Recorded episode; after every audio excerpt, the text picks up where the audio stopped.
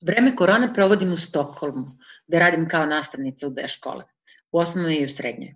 Srednje škole u Švedskoj rade online, ali osnovne škole su i dalje otvorene. Ja radim tri dana nedeljno u jednoj državnoj školi koja pripada opštini Stokholm. Od nas se očekuje da radimo potpuno normalno, kao da se ništa ne dešava. Iako se istovremeno na sve ostale građane apeluje da rade od kuće, da ne putuju i da drže ostojanje jedni od drugih. S druge strane, Zaposleni u školama se drže preporuka Agencije za javno zdravlje da svi koji imaju simptome prehlade, kašalj ili povišenu temperaturu ostanu kod kuće. Iz tog razloga su mnogi nastavnici na dužem ili kraćem bolovanju, a oni koji su na radnom mestu moraju da rade iza svoje bolesne kolege. Upravo se to i meni dešava. Ja predam španski i imam koleginicu koja je već više od dve nedelje bolesna. Naime, danas saznam da se neće vraćati do kraja školske godine.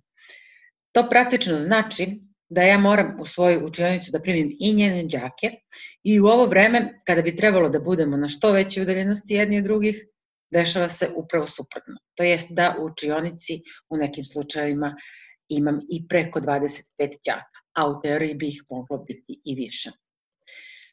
Sve u svemu, Osnovne škole u Švedskoj su i dalje izuzetak u odnosu na većinu ostalih sektora u zemlji. Od one dece koje nemaju nikakve simptome prehlade, očekuje se da dolaze u školu čak i ako su bili u dodiru sa virusom ili žive sa nekim koji karantinu. Istovremeno, u školi niko ne nosi masku, a menza je i dalje otvorena. Ja lično mogu sebe da zaštitim tako što nosim svoj ručak od kuće, međutim kada je reč o zaštiti od eventualnog prenosioca zaraze u učionici i hodnicima, to je već teže. Što se tiče ostalih životnih situacija, van škole, sebe štitim tako što ne koristim javni prevoz i tako što ne idem u kafiće i restorane koji su u Švedskoj i dalje otvoreni i prilično posećeni. Imam tu sreću da živim na 5 minuta od velikog nacionalnog parka sa nekolicinom jezera, pešačkim stazama kroz šumu i mestima za piknik.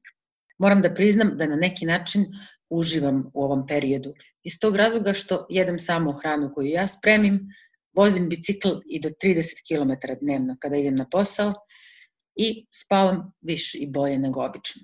Zaista sve deluje drugačije nego u većem delu Evrope i sveta.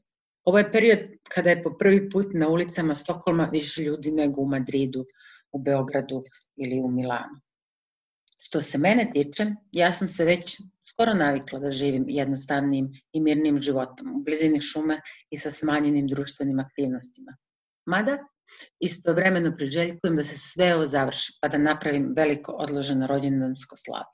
Rođendan je za sedam dana.